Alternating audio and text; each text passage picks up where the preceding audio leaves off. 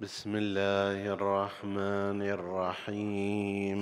صلى الله عليك يا سيدي يا رسول الله. صلى الله عليك وعلى ابن عمك أمير المؤمنين وإمام المتقين. وعلى أهل بيتك الطاهرين. صلى الله عليك يا سيدي يا أبا عبد الله الحسين. ما خاب من تمسك بكم وأمن من لجأ إليكم. يا ليتنا كنا معكم فنفوز فوزا عظيما. يا دوحة المجد من فهر ومن مضري. قد جف ماء الصبا من غصنك النضر. يا درة غادرت أصدافها فعلت حتى غلت ثمنا عن سائر الدرر. مهذب الخلق والأخلاق القاسم بن الحسن سلام الله عليه. مهذب الخلق والأخلاق إن تره تظنه ملكا في صورة البشر. مخضر عارضه ما دب شاربه. لكن جرى القدر الجاري على القدر فاغتال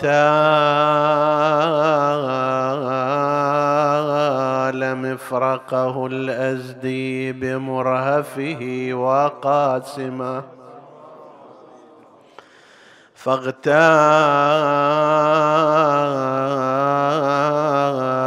مفرقه الأزدي بمرهفه فقر لكن بوجه منهم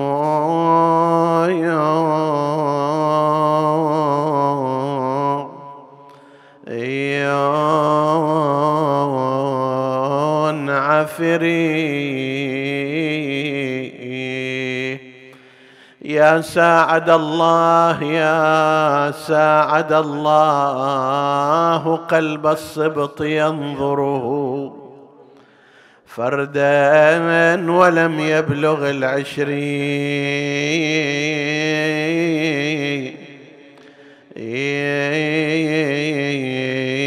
من عمري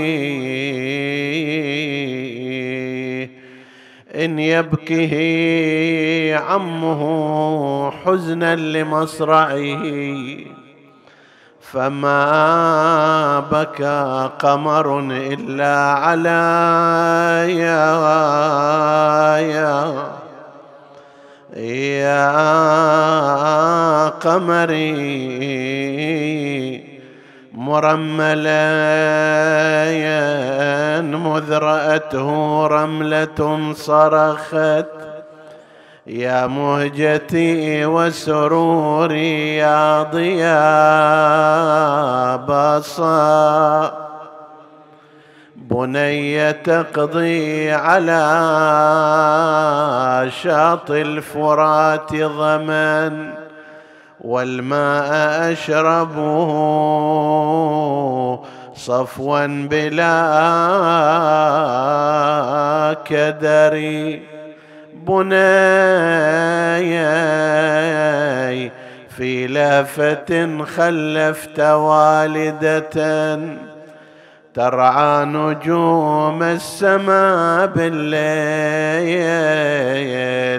بالسهار. لكنما الأمر لله لا حول ولا قوة إلا بالله. العلي العظيم إنا لله وإنا إليه راجعون. وسيعلم الذين ظلموا أي منقلب ينقلبون والعاقبة للمتقين. عطروا مجالسكم بذكر محمد وآل محمد.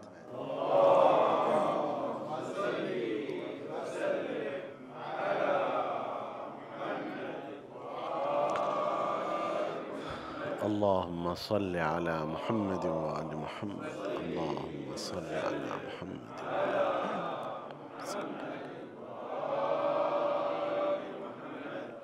اللهم صل على محمد.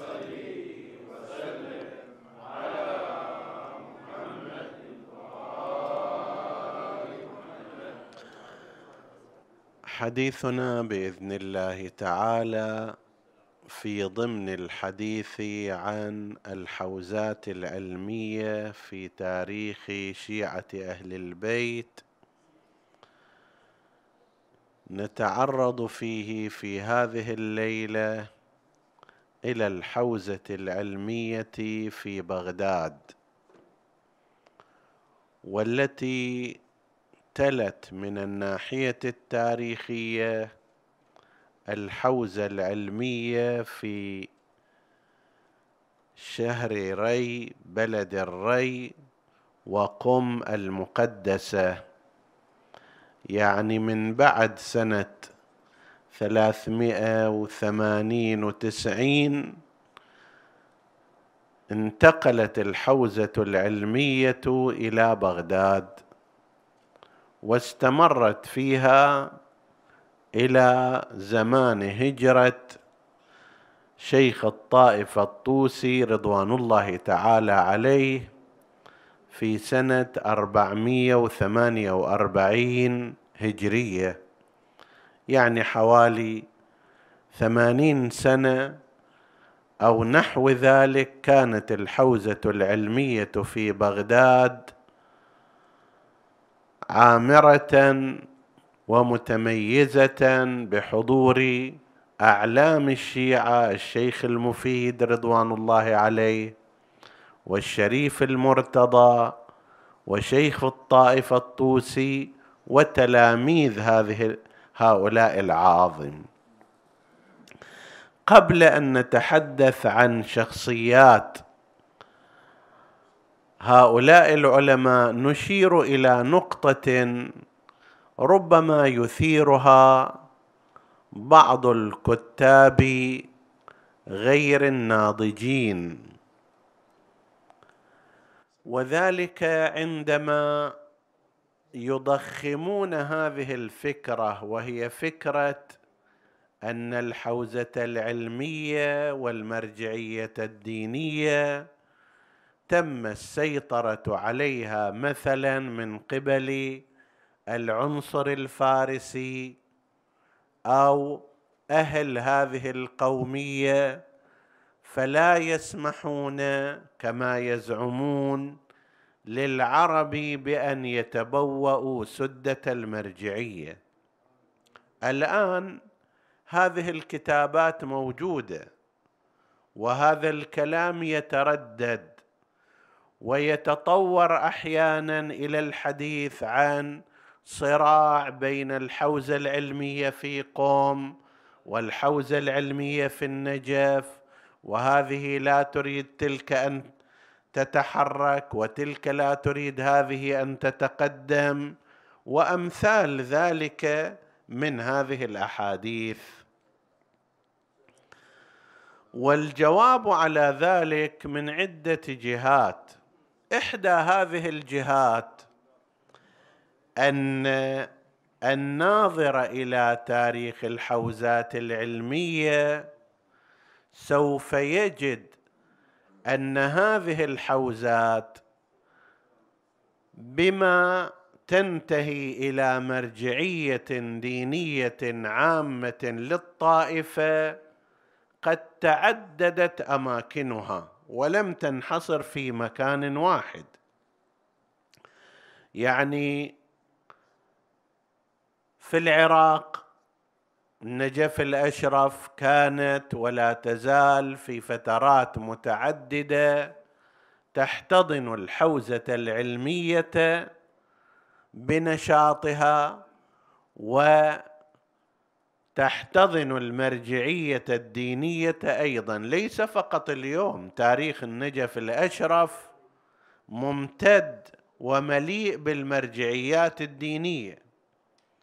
أين هذا الكلام الذي يقال مثلا أن هناك تعصبا وهناك تامرا وهناك ما يشبه ذلك على العرب الا يتبوأوا ألا تكون الحوزات العلمية عندهم وألا يتبوأوا مقام المرجعية.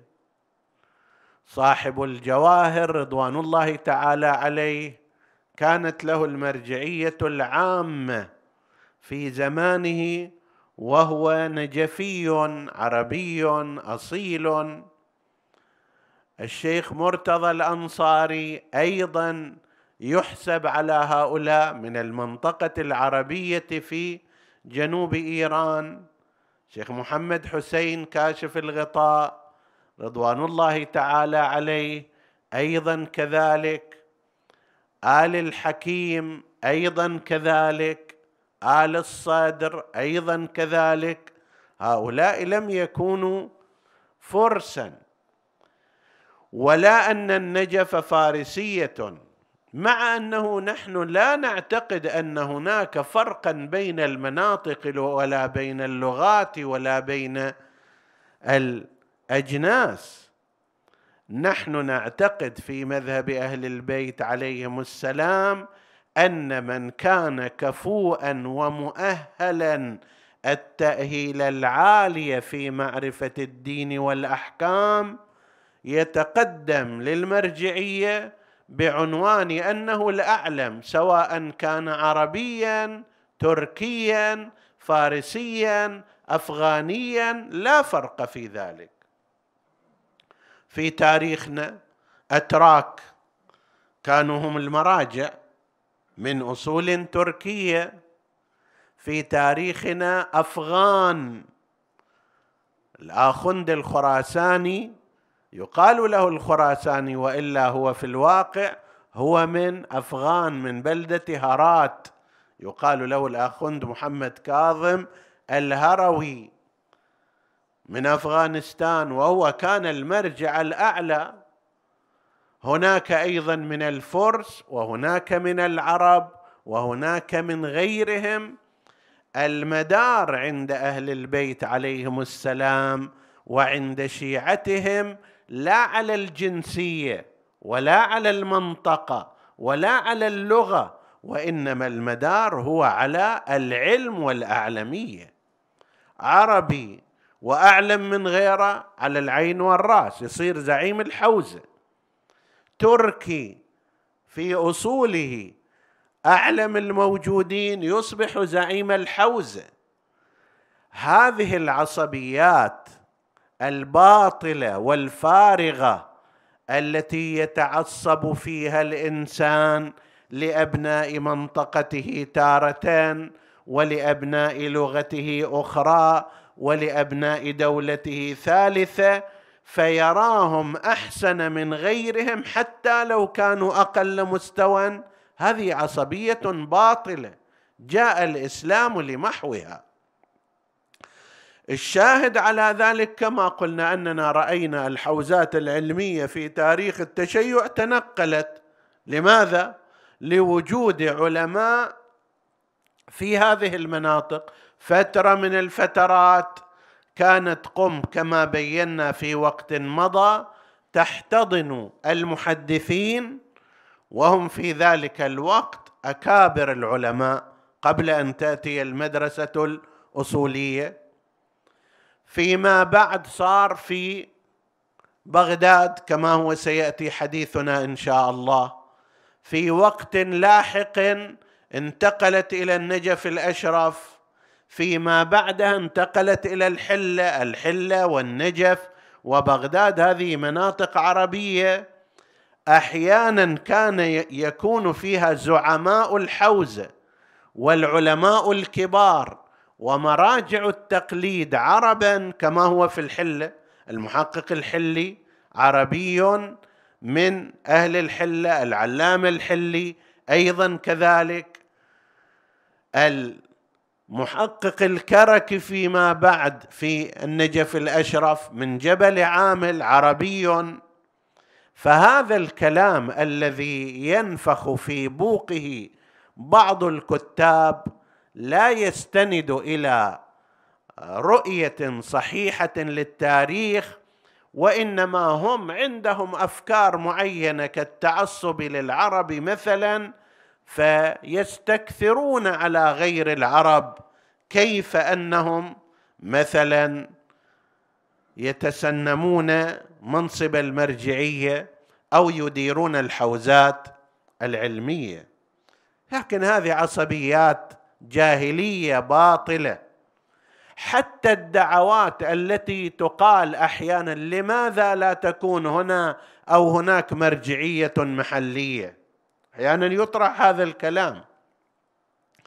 القضية ليست اقتراح من عندي أنا ولا استحسان من عندك أنت.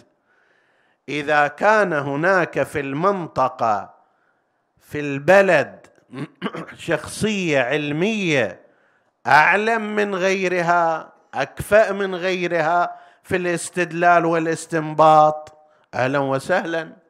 هذا شيء طيب وممتاز ولكن أن نقدم شخصا على غيره لأنه من أهل بلدي ولو كان أقل مستوى من غيره الذي لا يكون من بلدي هذا ما إله ما إلى توجيه شرعي عندنا في مذهب أهل البيت.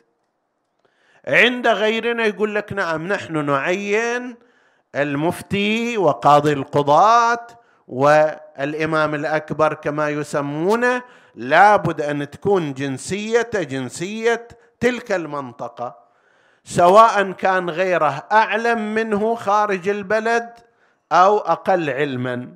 هذه الوظائف وما شابه ذلك لها اشتراطاتها لكن المرجعية الدينية وزعامة الحوزة العلمية مختلفة عن ذلك. القيمة الرئيسية فيها هي قيمة الأعلمية الأقدر على فهم التشريع وأحكامه والاكفأ في الاستنباط.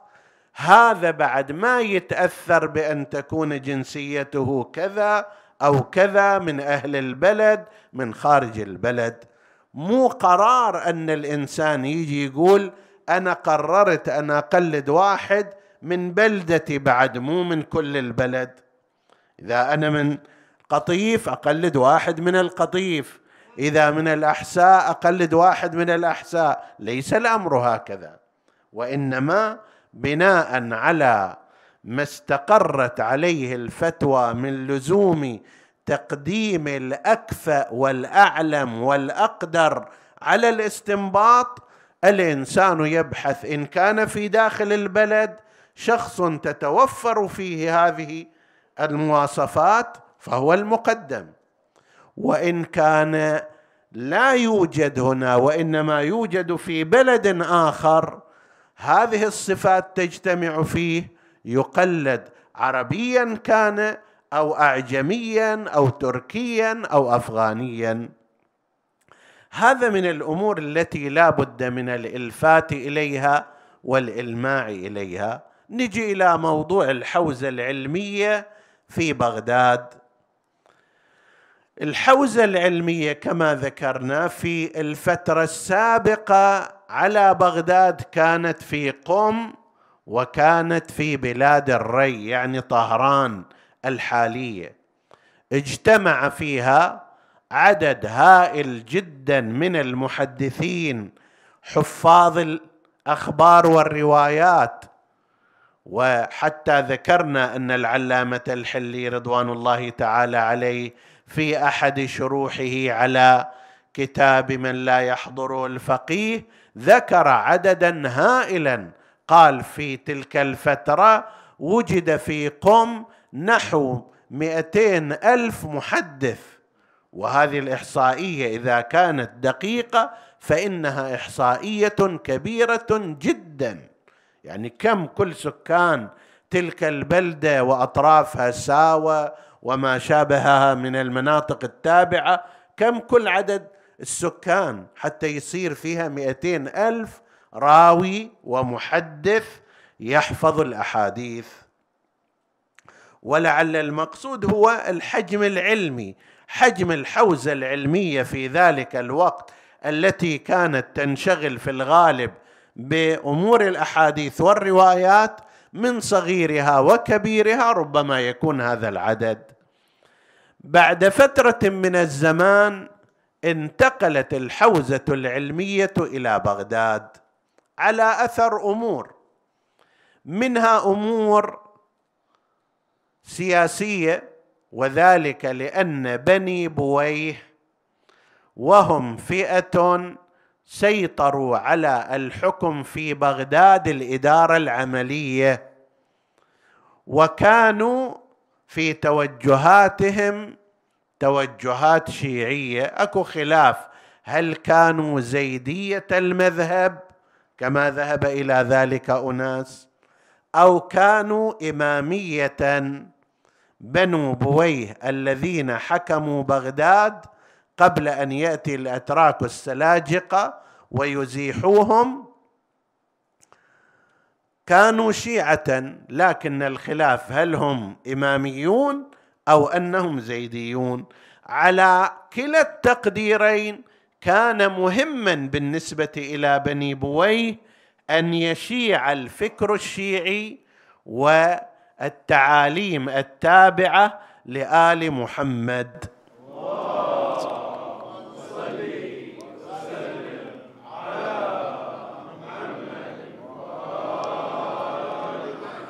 فاستفادوا من فرصة وجودهم في بغداد دعوا العلماء دعموهم وفروا الكتب وفروا البيئة العلمية وفي هذه الأثناء برز أيضا وهذا عامل آخر برز في بغداد علماء كبار من أهمهم لو لم يكن أهمهم الشيخ المفيد محمد ابن النعمان التلعكبري البغدادي. هذا ولادته في بغداد نشأته في بغداد هو عربي. والشيخ المفيد يعد من المؤسسين في مذهب أهل البيت عليهم السلام. هو أستاذ الشريف المرتضى أستاذ الشيخ الطوسي شيخ الطائفة.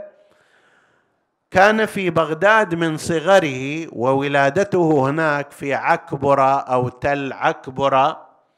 وهي منطقة قريبة من بغداد ولادته هناك. من صغره كان مميزا في ذكائه. التحق بحلقات العلم التي كانت موجودة وبعضها كان في ذاك الوقت لا فرق فيها بين أن تكون حلقات علمية تابعة لمدرسة أهل السنة أو لشيعه أهل البيت عليهم السلام. كانت الأبواب مفتوحة. بنو بويه ما منعوا أحدا من تدريس فقهه لا مدرسة الخلفاء ولا أهل البيت. أي واحد عنده علم خليه يقول.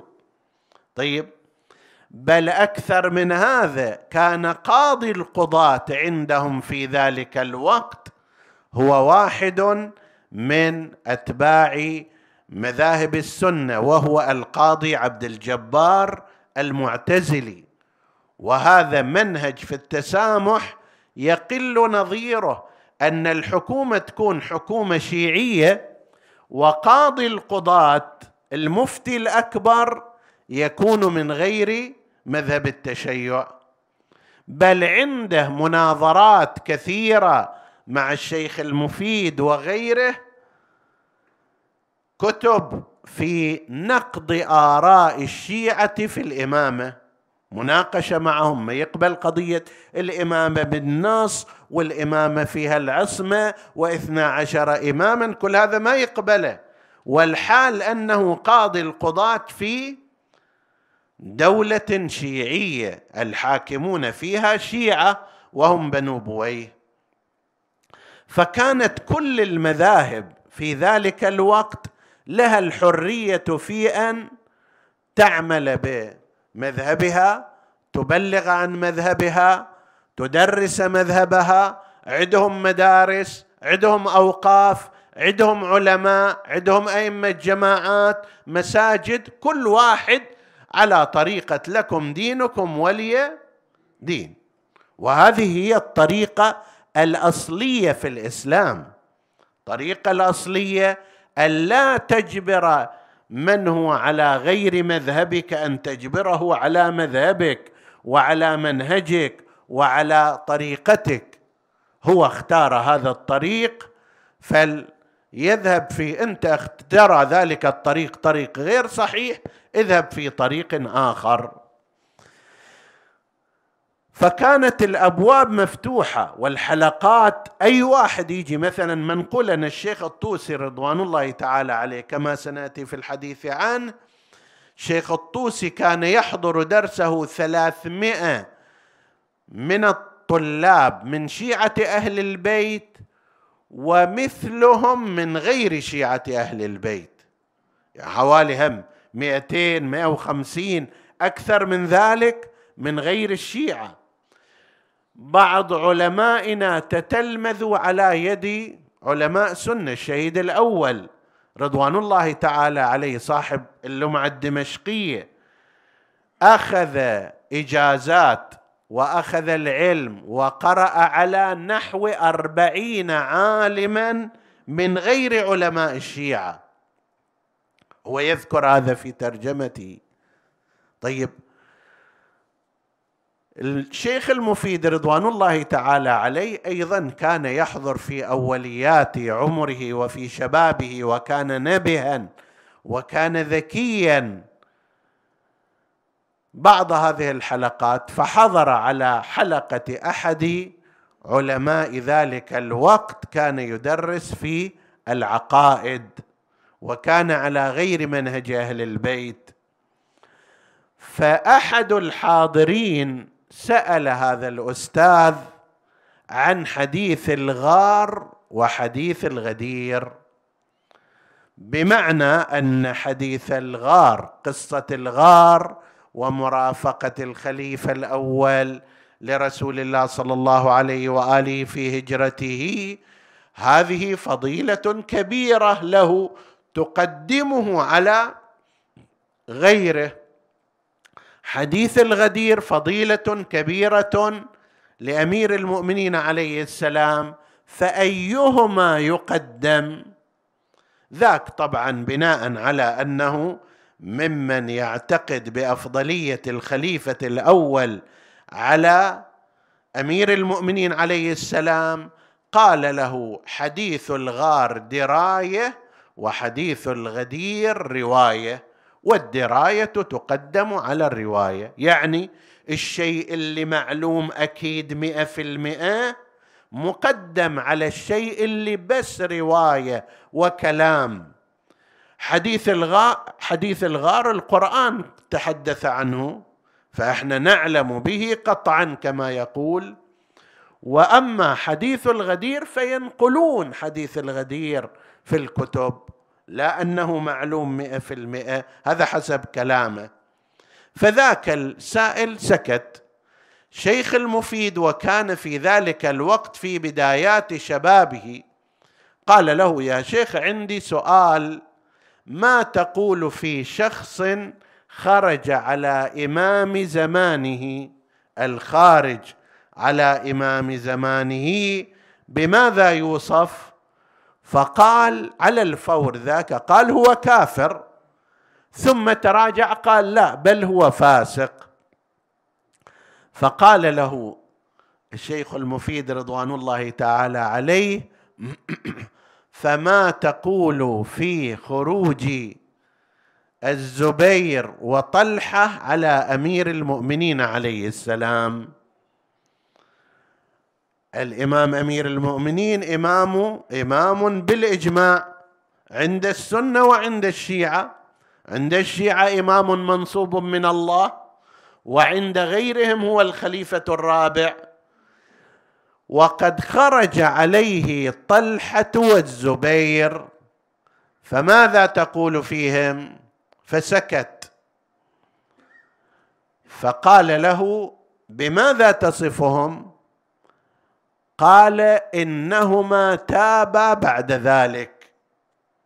تابا من الخروج بعد ذلك. فقال حديث خروجهما دراية وحديث توبتهما شنو؟ رواية. ولا نرد الدراية بر أكيد أنهم خرجوا على أمير المؤمنين. ما حد من المؤرخين ينكر هذا في قضية حرب الجمل. طيب هذه دراية. تو أنهم أنهما تابا بعد ذلك هذه رواية. فقال له من أنت؟ قال أنا طالب علم. قال له بل أنت المفيد. أنت شيخ غير طبيعي. فسكت إلى آخر المجلس ومن هناك عرف الشيخ المفيد رضوان الله تعالى عليه مع أنه كان في بدايات عمره أنه يستطيع أن يعجز عالما كبيرا شيخا صرف كل عمره في الدرس والتدريس. أي بدايات شيخ المفيد رضوان الله عليه. الشيخ المفيد خلف نحو مئتين كتاب ورسالة. منها ما هو صغير رسالة يقال له ومنها ما هو كتاب. وأكثرها في أبواب العقائد والاستدلالات العقلية. وهنا يذكر الشيخ المفيد رضوان الله تعالى عليه أنه طور الفكر الإمامي والحوزات العلمية من كونها حوزات رواية الحديث ذات منهج خبري وحديثي فقط إضافة إلى ذلك أدخل إليها علم الأصول وأدخل إليها الاستدلالات العقلية وآنئذ جعل خطواتها ذات منهج علمي بإمكان حتى غير الامام أن يقتنع بالدليل العقلي لكن قد لا يقتنع بأنه قال الإمام الصادق كذا وكذا. يقول لك أنا ما ما أعترف أن جعفر بن محمد هو إمام من الله فقيه من الفقهاء عالم من العلماء يؤخذ كلامه ويرد. لكن إذا صار استدلال عقلي وبرهان متين ودقيق بعد ما يقدر يقول هذا الكلام افترض مثل هذا الاستدلال الذي استدل به في وجه ذلك العالم. فأول أعمدة هذه الحوزة كان الشيخ المفيد رضوان الله تعالى عليه. الشيخ المفيد درس جماعة كثيرة أهمهم كان الشريفان المرتضى والرضي.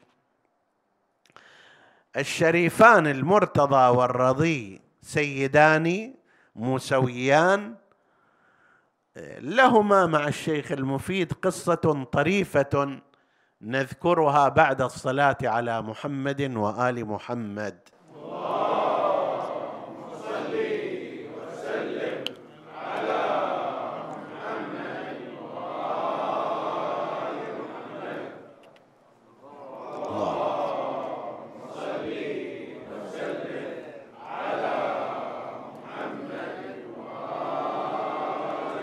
اللهم صل على محمد.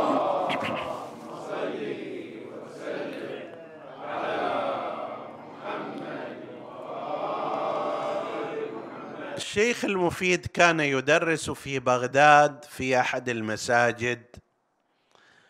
ذات ليلة في عالم الرؤيا يرى كأن فاطمة الزهراء عليها السلام قد أقبلت ومعها الحسن والحسين.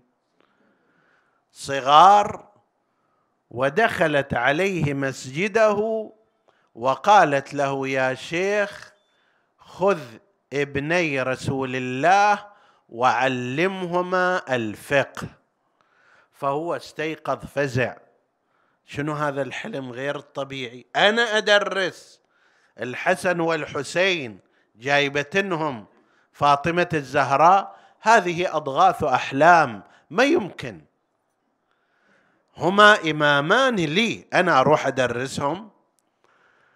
لكن تأويل هذه الرؤية كان في صبيحة ذلك اليوم عندما جاءت سيدة علوية هي فاطمة بنت الناصر الأطروش.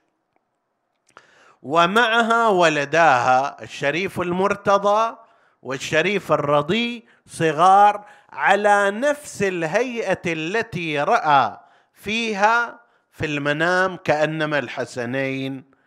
وقالت له هذه السيدة فاطمة بنت الناصر الاطروش سيدة علوية جليلة زوجها كان نقيب كان نقيب الطالبيين في بغداد. نقيب الطالبيين يعني رئيس السادة. كانت هذه كان هذا منصبا رئيس السادة من آل أبي طالب. يقال له نقيب الطالبيين.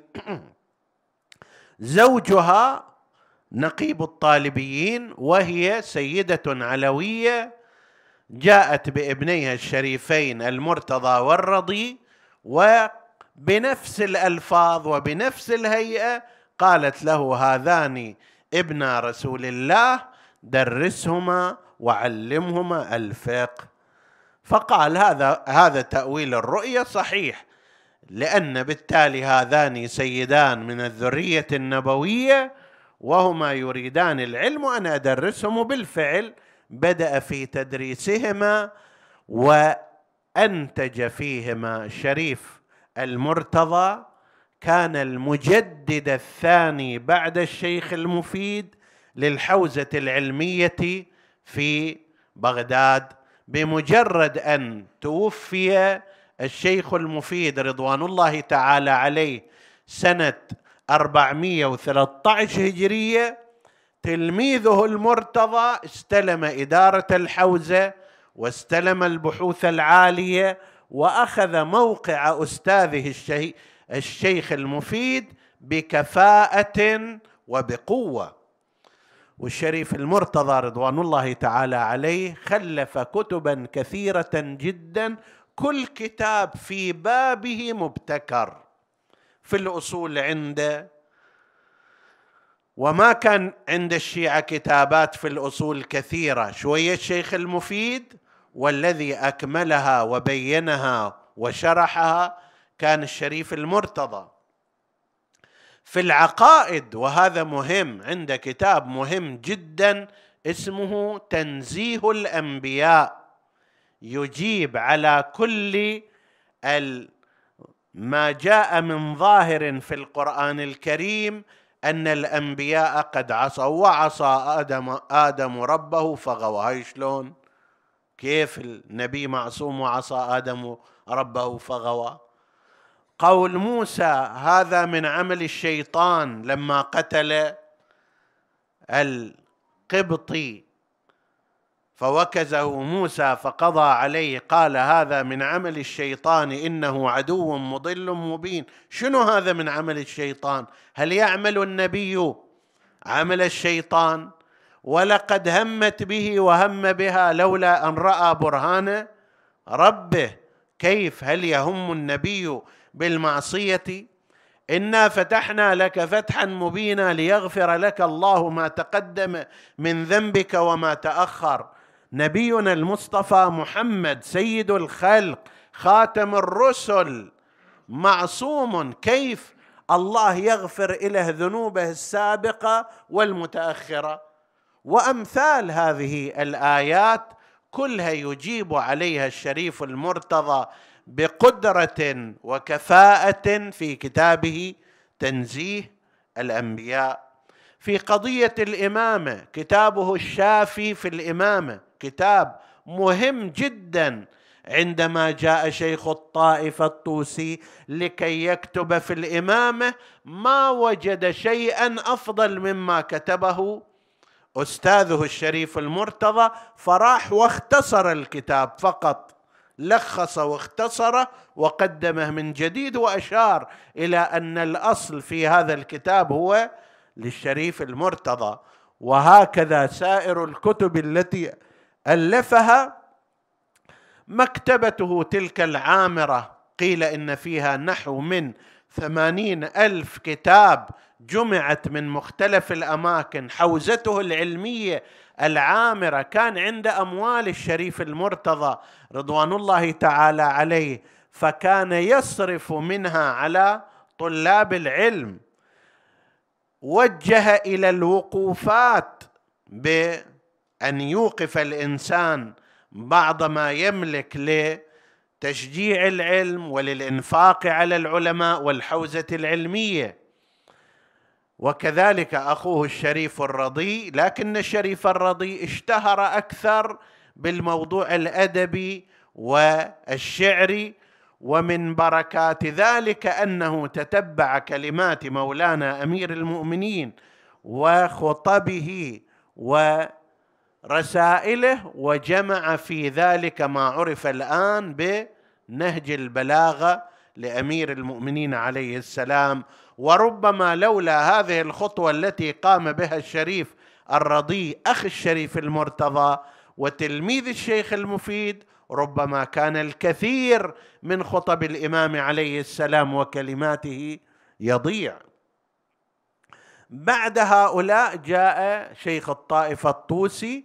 شيخ الطائفة الطوسي تلميذ الشريف المرتضى واستمر كما ذكرنا في وقت مضى في التدريس والتعليم كما نقلنا قبل قليل حتى بلغ عدد طلابه من الإمامية نحو ثلاثمائة طالب هؤلاء يدرسون الدراسات العالية حسب تعبيرنا. بحوث الخارج إن شاء الله نشير إلى هذه الدرجات في وقت متأخر في ليلة أخرى إن شاء الله.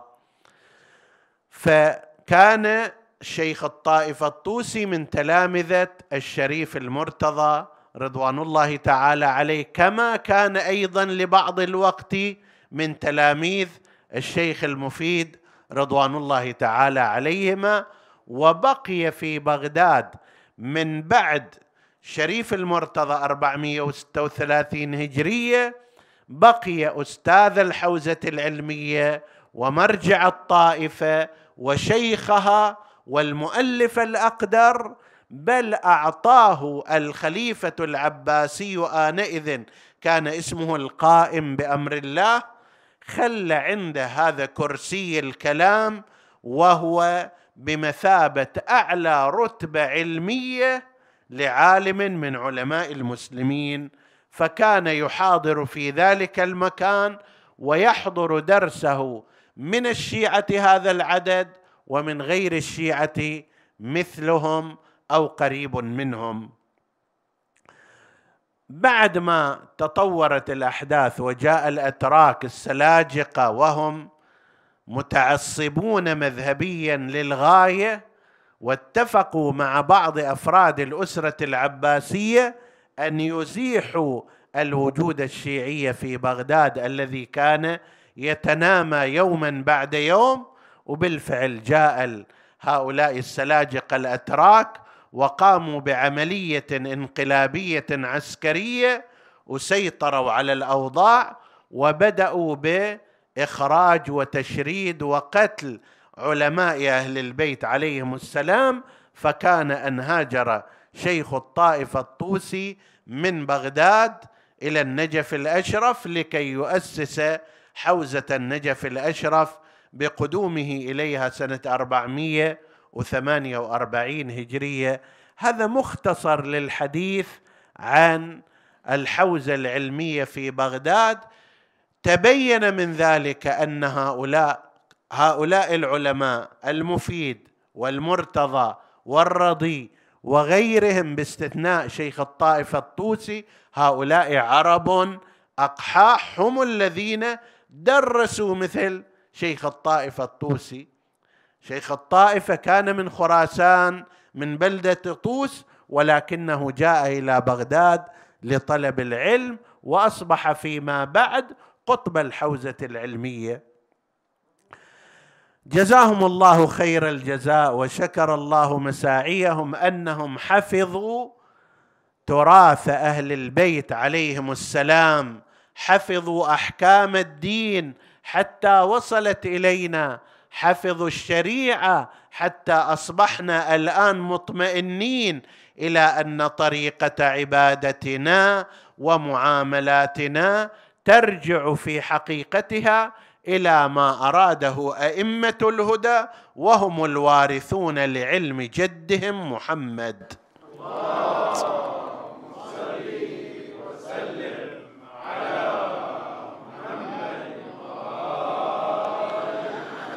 إذا كان أئمة أهل البيت عليهم السلام قد حفظوا هذا الدين وهذه الشريعة عن الاندثار وفي طليعتهم في ذلك سيد الشهداء أبي عبد الله الحسين صلوات الله أبو عبد الله الحسين صلوات الله وسلامه عليه حيث صان بدمه الشريف هذه الشريعة المقدسة وقدم في ذلك خيرة أهل بيته وخلص أصحابه حتى وصل إلينا الإسلام غضا طريا لم يشوه بتشويهات بني أمية. قدم ذلك وبالفعل كما قال الشاعر بلسان حال سيد الشهداء إن كان دين محمد لم يستقم إلا بقتلي.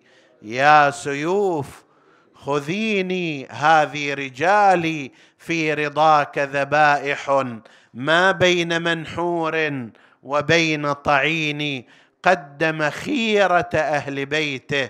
سلام الله عليهم. فكان أن برز اولا علي الأكبر صلوات الله وسلامه عليه وتلاه بعد ذلك أبناء الحسن وكان في مقدمتهم القاسم بن الحسن المجتبى صلوات الله وسلامه عليه.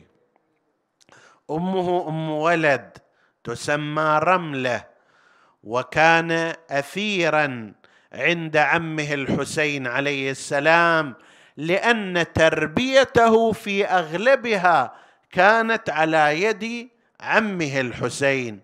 أبوه المجتبى قد توفي عنه شهيدا مسموما وعمر هذا نحو سنتين أو ثلاث سنوات. عمر القاسم عندما استشهد عنه أبوه الإمام الحسن كان بهذه الحدود سنتان أو ثلاث سنوات فضمه الحسين عليه السلام إلى عياله وأهله ورعى حاله ورباه وقام على شؤونه حتى إذا صار خروج الإمام الحسين عليه السلام من المدينة المنورة إلى مكة ومنها إلى كربلاء اصطحبه معه وجاءت معه أمه وبعض إخوته أيضا. شاب ولكن في عقل الرجال في عقل أهل التضحية من الكبار الذين يزنون الأمور بميزان الثواب الإلهي وبميزان الجنة والنار ولا يزنونها بميزان الحياة الدنيوية. لذلك لما سأله الحسين كما نقل المؤرخون وقد خطب الحسين ليلة العاشر في أهل بيته وأصحابه وأرخى لهم المجال للخروج عنه. هذا الليل قد غشيكم فاتخذوه جملا وليأخذ كل رجل منكم بيد رجل من أهل بيتي وتفرقوا في سواد هذا الليل. ليس عليكم مني ذمام ولا في أعناقكم بيعة. أنتم مرخوصين اللي يريد يطلع يطلع. وحتى لا أحد يشوفه أيضا يطلع في الليل إذا كان يخجل أن يخرج في وقت النهار وينظر إليه. الليل ساتر. قد غشيكم اتخذوه جملا واخرجوا فإن القوم إنما يطلبونني ولو وجدوني لذهلوا عن طلب غيري. فقام أولئك الأصحاب والأنصار وذكروا ما هم أهله من الثبات والاستمرار مع الإمام الحسين عليه السلام. فلما سمع مقالتهم تلك أخبرهم بمصارعهم. قال إن يومنا من هؤلاء غدا. أنت يا فلان تصرع كذا وأنت تصرع كذا. فعدد على بعضهم مصارعهم. فقام القاسم بن الحسن عليه السلام وقال لعمه يا عم أنا أيضا في من يقتل؟ قال كيف ترى الموت يا بني؟ قال فيك والله أحلى من العسل. وبالفعل كان هكذا لما صارت النوبة على بني الحسن جاء إلى عمه مستأذنا قال له يا بني أنت أمانة أخي عندي أنت وديعة أخي عندي كيف أسلمك إلى الموت؟ لا يكون ذلك. فأصر عليه القاسم بن الحسن سلام الله عليه. عندها طلب الإمام الحسين ملابس أبيه الحسن وألبسها إياه حتى عاد صورة أخرى من صورة أبيه. أراد أن ينطلق إلى الميدان. قال له لا يا بني ادخل إلى داخل الخيمات. وودع أمك وودع عماتك. دخل إلى داخل الخيمات فأحطن به ودرن حوله. هذه تقبله تلك تشمه تلك تضمه. ولزمة رجاب سكينة عمته بحلقة شمه. ومن الخدير مذهولة طلعت تناديهم يا ابني يا جاسم هالوكيت حيلك العمك ضو. إلها اليوم أنا ذا خيرتك بالك تخيب ظنون هز الرمح وتجنى يا والدة تدعي لي. رايح أنا يا والدة من غير ما تقلي. عمي وحيد بكربلاء المن أضم من حي خرج من الخيمات ودع عمه انطلق إلى الميدان وهو يقول إن تنكروني فأنا نجل الحسن. سبط النبي المصطفى والمؤتمن هذا حسين كالأسير المرتهن. بين أناس لا سقوا صوب المزن قاتل الأعداء قتالا شديدا حتى قتل منهم مقتله. قال بعض من حضر خرج علينا غلام. كأن وجهه فلقة قمر وفي كفه سيف وفي رجليه نعلان. ساعة إذ انقطع شسع نعليه. قال لا أنسى أنها اليسرى فأهوى القاسم ليشد شسعا نعله فجاء عمرو بن سعد بن نفيل الأزدي فاتحا باعه شاهرا سيفه ضرب القاسم على رأسه. أين المنادي وقاسمه؟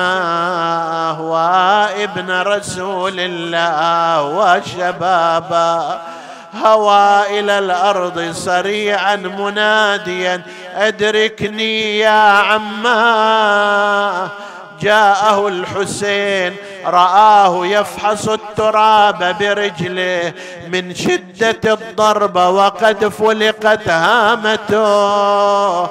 نادى عز على عميك أن تدعوه فلا يجيبك.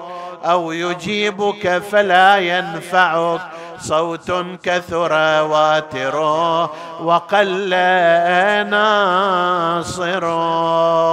بكو ناداه يا جاسم شبي.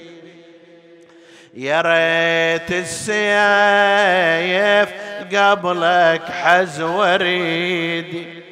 هاني لكم تخلوني وحيد على خيام العدا والخيل. تفتر يا جاسم شقالت من الطبر روحك؟ يا عمي ما تراويني جروحك لو أن أبقى يا جاسم كنت نوحك. إن يبكيه عمه حزنا لمصرعه فما بكى قمر إلا على قمري. نسألك اللهم وندعوك باسمك العظيم الأعظم الأعز الأجل الأكرم يا الله. اغفر لنا ذنوبنا كفر عنا سيئاتنا. آمنا في أوطاننا لا تسلط علينا. من لا يخافك ولا يرحمنا. ولا تفرق بيننا وبين محمد وآله طرفة عين. فضل اللهم إخواني السامعين فردا فردا واقض حوائجهم. اشف اللهم مرضاهم لا سيما المرضى المنظورين ومن أوصانا بالدعاء. وادفع اللهم هذا البلاء عن عبادك يا رب العالمين. تقبل اللهم عمل المؤسسين بأحسن القبول إلى أرواح موتاهم وموت السامعين. نهدي ثواب الفاتحة تسبقها الصلوات.